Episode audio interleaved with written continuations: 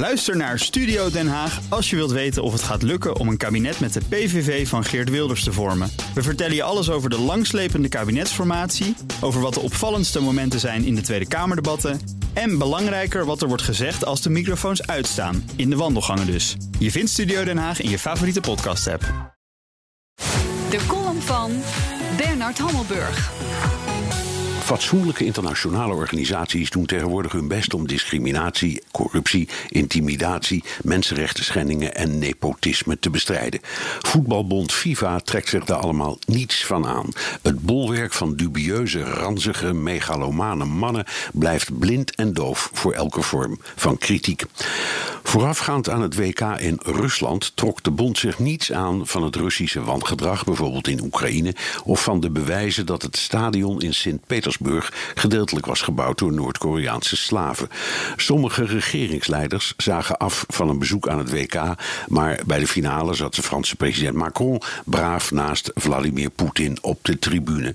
Slaven, de Krim, trollen. Kom op zeg, nu even niet. Het ging om het voetbal en die Poetin had het allemaal toch maar mooi geregeld. Feilloze organisatie, schitterende beelden, spannende wedstrijden. Toch?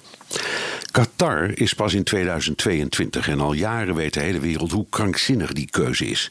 Hartverscheurende verhalen over gastarbeiders, vooral uit India, Bangladesh en Nepal, die bij bosjes sterven bij de aanleg van de stadions omdat ze zich in de hitte letterlijk doodwerken, leiden tot onderzoeken en publicaties, maar zonder consequenties.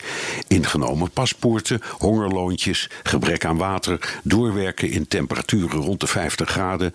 Ook dit alles is slavenarbeid. Klaarblijkelijk kan een WK-stadion alleen met slaven worden gebouwd. Sony haakte om die reden af als hoofdsponsor. Nu zijn er serieuze aanwijzingen dat Qatar het WK binnen heeft gehaald door voormalige CIA-agenten en een PR-bureau in te huren, met als opdracht het verspreiden van negatieve fake-verhalen over Australië en de Verenigde Staten, de belangrijkste concurrenten. Als de verhalen uit de Britse Sunday Times kloppen, was het een campagne waaraan Rusland met zijn beïnvloeding van de Amerikaanse verkiezingen nog een puntje kan zuigen. Maakt het allemaal iets uit? Ontwaakt het collectieve geweten van de wereld uit zijn lethargie? Natuurlijk niet. Het bolwerk van dubieuze, ranzige, megalomane FIFA-mannen heeft het repertoire aan antwoorden al klaar.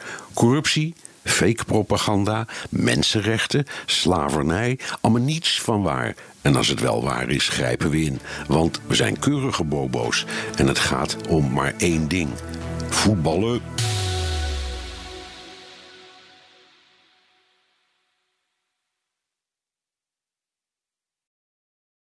Ook Bas van Werven vind je in de BNR-app. Ja, je kunt live naar mij en Iwan luisteren tijdens de ochtendspits. Je krijgt een melding van Breaking News. En niet alleen onze podcast Ochtendnieuws, maar alle BNR-podcasts vind je in de app. Download nu de gratis BNR-app en blijf scherp.